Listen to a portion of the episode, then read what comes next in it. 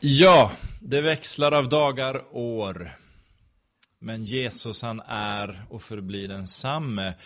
Det är väl fantastiskt att få påminna sig om det, inte minst i en tid som denna där allt ska ändras. Det får inte finnas några bestående värden eller tankar.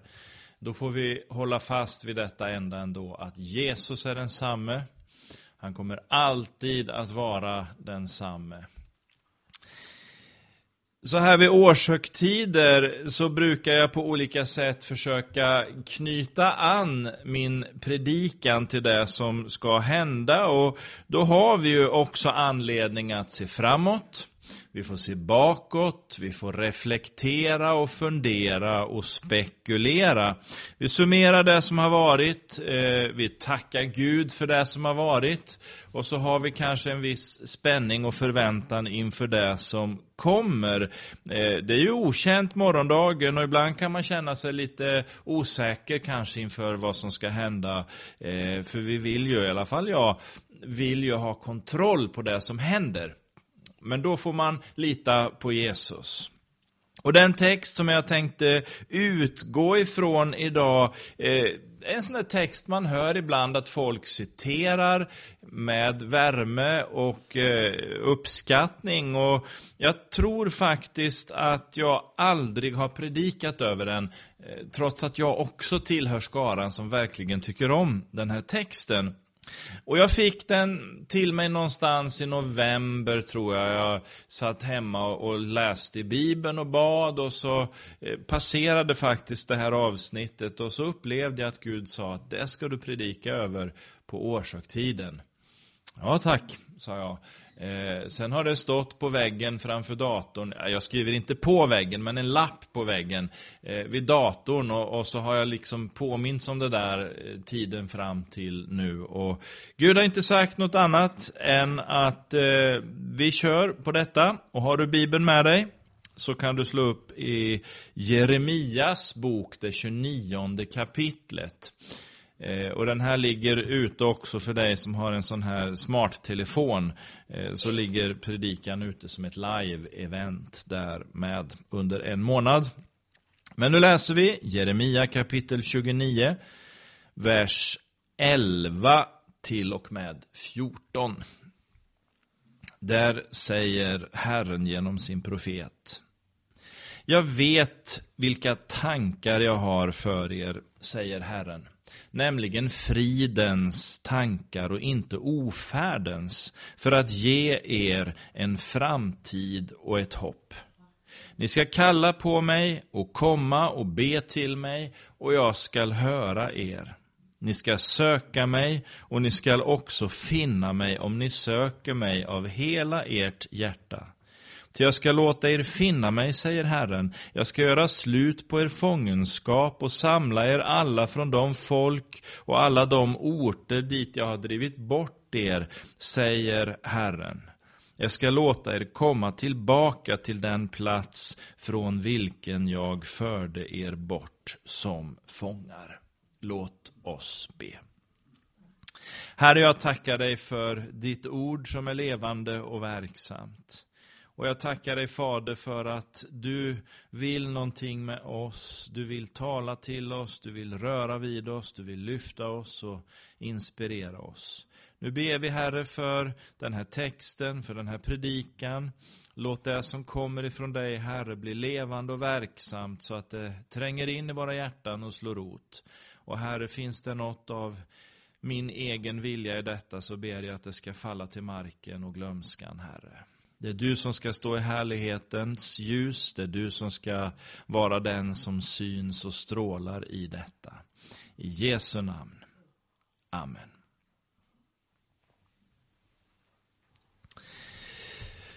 Ja, då är vi här och ingen människa kan ju befinna sig på en plats annat än att man har tagit sig dit på ett eller annat vis. Det finns många resor och varje resa är olik. Varje resa är i sig själv unik.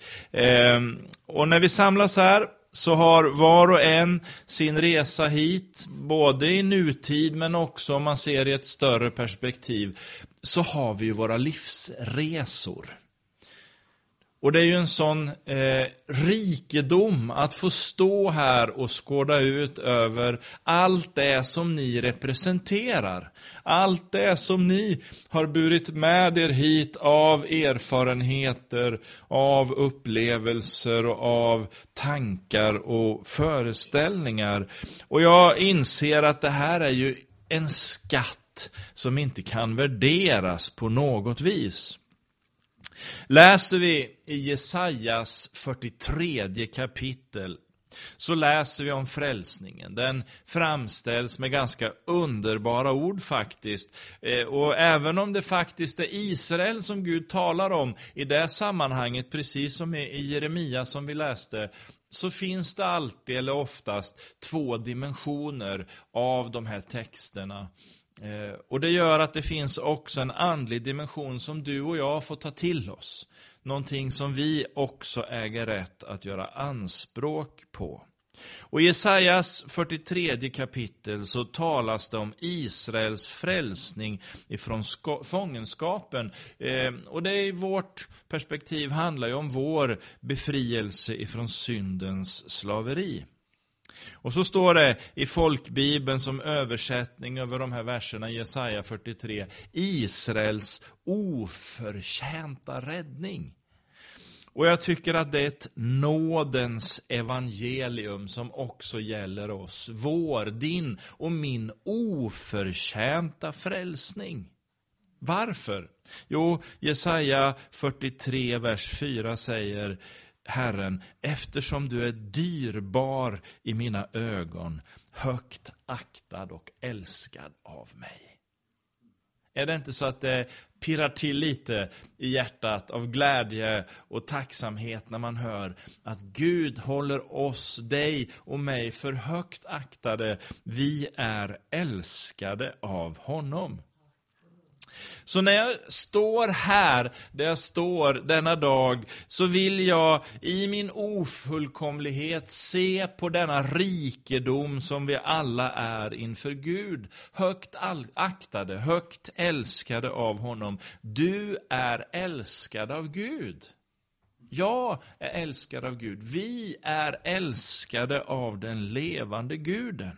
Vi är dyrbara i hans ögon. Och det kan ju finnas all anledning att faktiskt påminna sig om denna sanning med jämna mellanrum. Jag vet inte hur det är med dig och i ditt liv, men jag brukar få besök på axeln ibland. Det brukar sätta sig någon där som viskar in massa dumheter i mitt öra. Ord om att du duger inte. Ja, men det där som du gjorde där, det förstår du väl att Gud kan ju aldrig vilja ha med en sån som dig att göra om du håller på på det sättet. En röst som viskar förföriska ord om obetydlighet. Men det är ju inte så, det är ju lögn. Därför att Bibeln säger precis det motsatta. Du är värdefull. Du är älskad av Gud, du är aktad av den evige. När jag för egen del eh, summerar året och, och kanske då framförallt tiden från sommaren när jag kom till denna fantastiska plats som Gud har utvalt på något förunderligt sätt. Eh, ja, då ser jag ju vilket arbete och vilket engagemang som finns här. Tillsammans delar vi på ansvaret för att få församlingen och Guds verk att fungera och gå framåt. Med våra olikheter, med våra färdigheter, så städas det, det tvättas fönster, det fixas fik, vecka och det görs det ena efter det andra. Det är myndigheter som ska ha kontakt, det är ekonomi som ska hållas i ordning, det spelas och det sjungs och ja, jag kan inte räkna upp allt som görs. En del syns, annat syns kanske inte, men ändå det finns så mycket som görs. Och över allt detta så bärs arbetet av förböner. Här och där, i när och i fjärran. Så varje år man som pastor får summera det här så föds det en sån tacksamhet för alla osjälviska gärningar som man ser och stöter på. Och den kärlek till Guds verk som finns i alla församlingar. Och därför så brukar jag alltid säga så här i årsmötes och årshögtidspredikningar, tack! Ett tack som kanske inte riktigt kan beskriva den djupa tacksamhet som jag ändå känner. Eh, men ändå tack för vad du gör. För det du gör betyder någonting oavsett vad det är. För här finns det ingen gradering i stort eller litet. Det du gör betyder något, det gör skillnad. Det är inte alltid vi ser resultat, men faktum är att var och en bidrar med sånt som betyder något konkret och andligt. Och det här är en del av vår resa. Att det är saker som gjort att vi faktiskt står där vi står, att vi befinner oss där vi befinner oss. Och så sitter vi och tänker på livet och tillvaron. Och utan en kännedom om vår historia så blir ju resan och livet ganska rotlöst. Det är viktigt att veta varför vi är där vi är och också känna till var vi kommer ifrån, både i kortare men också i längre perspektiv. Det senaste året är inte alls oviktigt för någon av oss, men det finns ju också ett liv som sträcker sig längre tillbaka och ljuset av hela vårt liv från den dag vi föddes med alla förutsättningar och alla möjligheter till att vi nu är det vi är. Det är så viktigt. Men framför allt så är ju basen vi måste hitta i detta, nämligen detta underbara att anledningen till att vi är här är för att Gud har kallat oss. Gud har utvalt oss. Gud har utrustat oss. Utan honom vore vi ju ingenting. Utan honom vore livet meningslöst. Och därför blir jag ju ytterst så oerhört tacksam till honom. Och det kan jag inte beskriva med ord. Det bara finns där. Och så blir det som i Romarbrevet 8, där det står att när inte våra ord räcker till, ja men då tar anden vid och talar ord eh, och fyller på liksom. Så att allt det här ändå får komma fram till Gud och ge honom äran. Och vänder vi nu tillbaka till Jeremia så finns det ju en djup och viktig lärdom i de ord som han säger. För här säger han att Herren har tankar för oss om en framtid och ett hopp. Vi ska vara medvetna om, som jag sagt, att det här är ord till Israels barn, men det är också ord som du och jag äger rätt att göra anspråk på. Så vi tar det till oss och förstår att också du och jag, att vi tillsammans har en framtid och vi har ett hopp. Och vetskapen om det får oss att förstå att vår historia därför aldrig är menad att skymma vår framtid. Förstå mig rätt, åter, vår historia ska aldrig förnekas. Den ska vi tacka Gud för, eh, men det som driver oss är hoppet och framtiden. Samtidigt Kanske vi alla knäpper på nyheterna på tv på eftermiddagen, kvällen eh, och vi möter en eh, skymning som är svår att förstå och omfatta. Fullt av rapporter med terror, det är orättvisor, det är en natur som är obalans. När tron på mänskliga möjligheter att ta oss ur detta kaos som faktiskt de mänskliga möjligheterna har skapat. Ja, när det förkunnas med ett mänskligt och konstigt högmod, ja då tappar jag lätt modet. När möjligheten att öppet leva ut sin kristna tro blir svårare för varje tid som går, då är det lätt att tappa hoppet. Och så ser vi församlingarnas matriklar som ofta blir tunnare. Årsboksluten som visar allt för ofta röda siffror. Det är ledarbrist. Det är svårt att fylla alla de uppgifter och poster och positioner som vi brukar fylla. Och även om vi vill uppåt, vi vill till himlen, så känns uppförsbacken av det slag att varje steg i församlingen suger musten ur oss och vi undrar, vad blir det nu då av hoppet som Herren talar om? Där någonstans tänker jag på en av mina goda vänner. Eh, ja, han var ju inte det, men ändå. Ingmar Bergman, ni vet han som gjorde en massa konstiga filmer. I det sjunde inseglet får man följa Antonius block och han säger att tron är ett stort lidande när han söker efter den Gud som han tyvärr aldrig lyckades finna. Och visst kan vi uppleva att Gud är tyst många gånger. Man tycker att omständigheterna reser sig upp och är svåra och vi kämpar i motvind och vi lyssnar och vi kämpar och vi strävar. Var är du Gud? Varför säger du ingenting? Hebreerbrevets elfte kapitel hjälper oss med motivet i den situationen. I kapitlet får vi läsa om människor som lyfts fram som exempel på eh, de som har varit föredömen i sin tro. Och så kommer vi fram till den trettonde versen i Hebreerbrevet 11, där vi förstår att det finns två nivåer också på detta. Dels att leva i den tro att Gud faktiskt verkar här och nu. Att Gud faktiskt gör saker här och nu. Men också att leva i den tro som trots allt talar om framtiden. Som talar om att vi är ett pilgrimsfolk. Det är inte här vi hör hemma. Vi är på väg någon annanstans. Lyssna, Hebreerbrevet 11.13.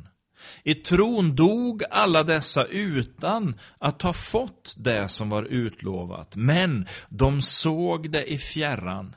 Och de hälsade det och bekände sig vara gäster och främlingar på jorden.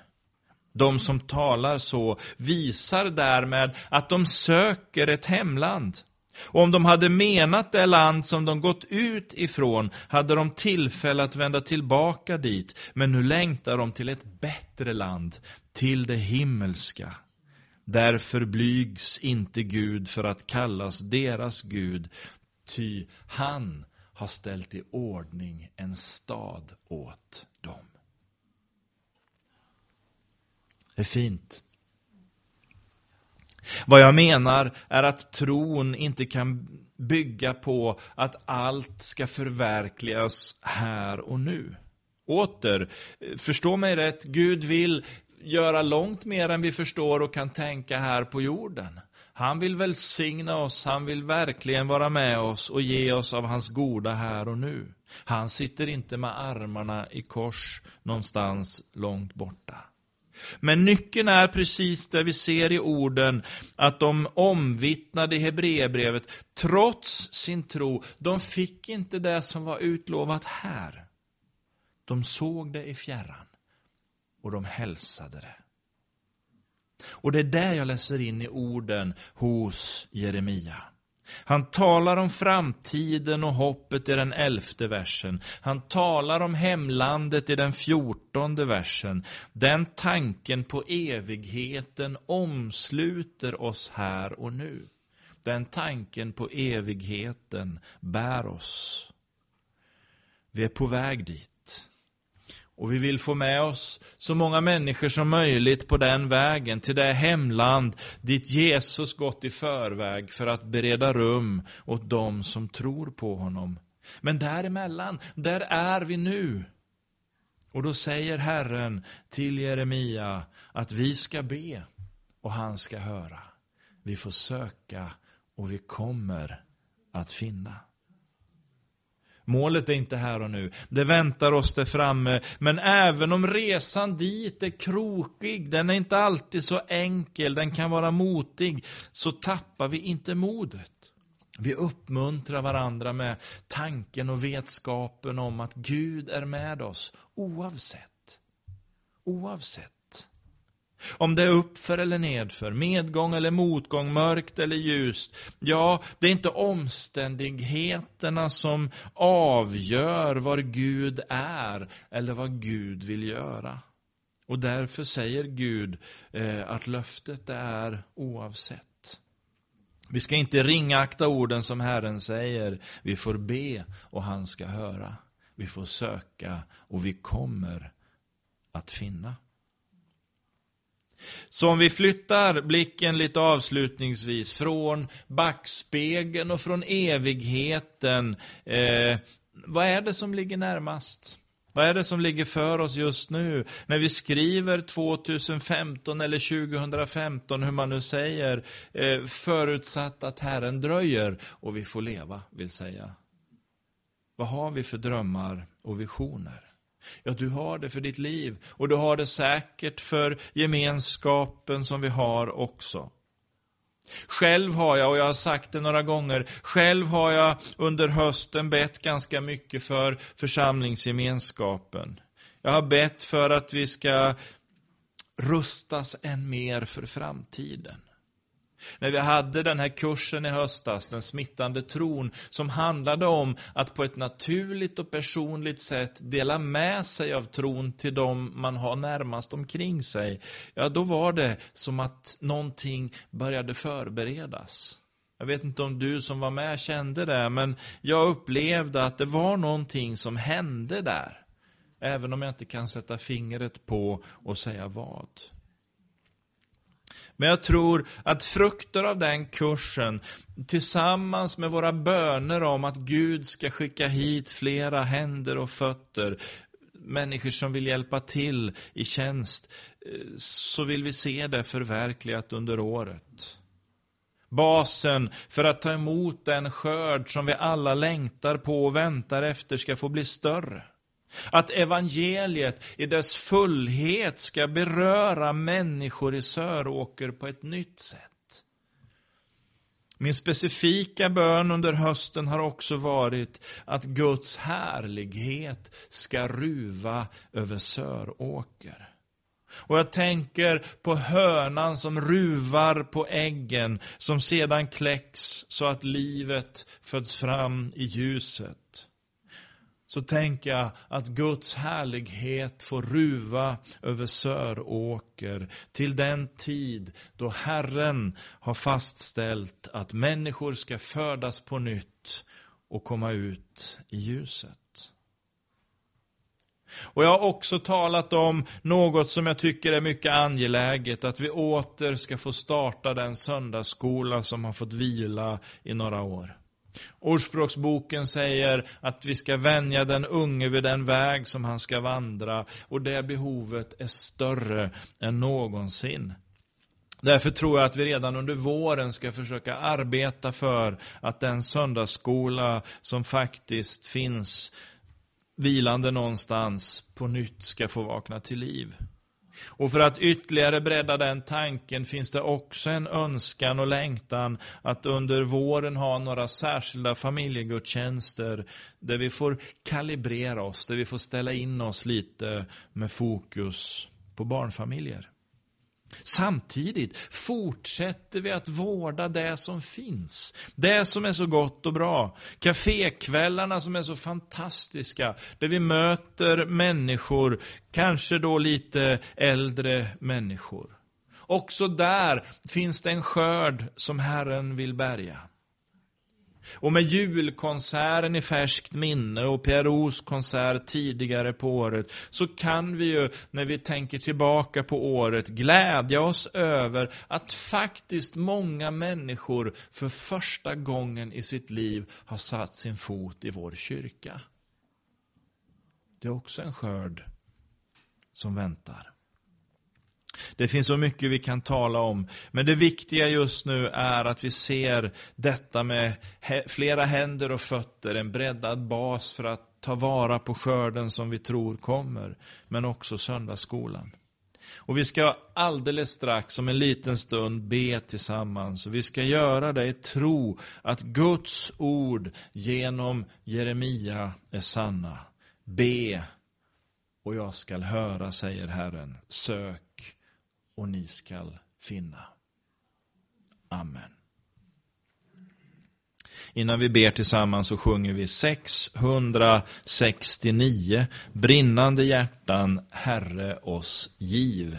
669 och sen ska vi be.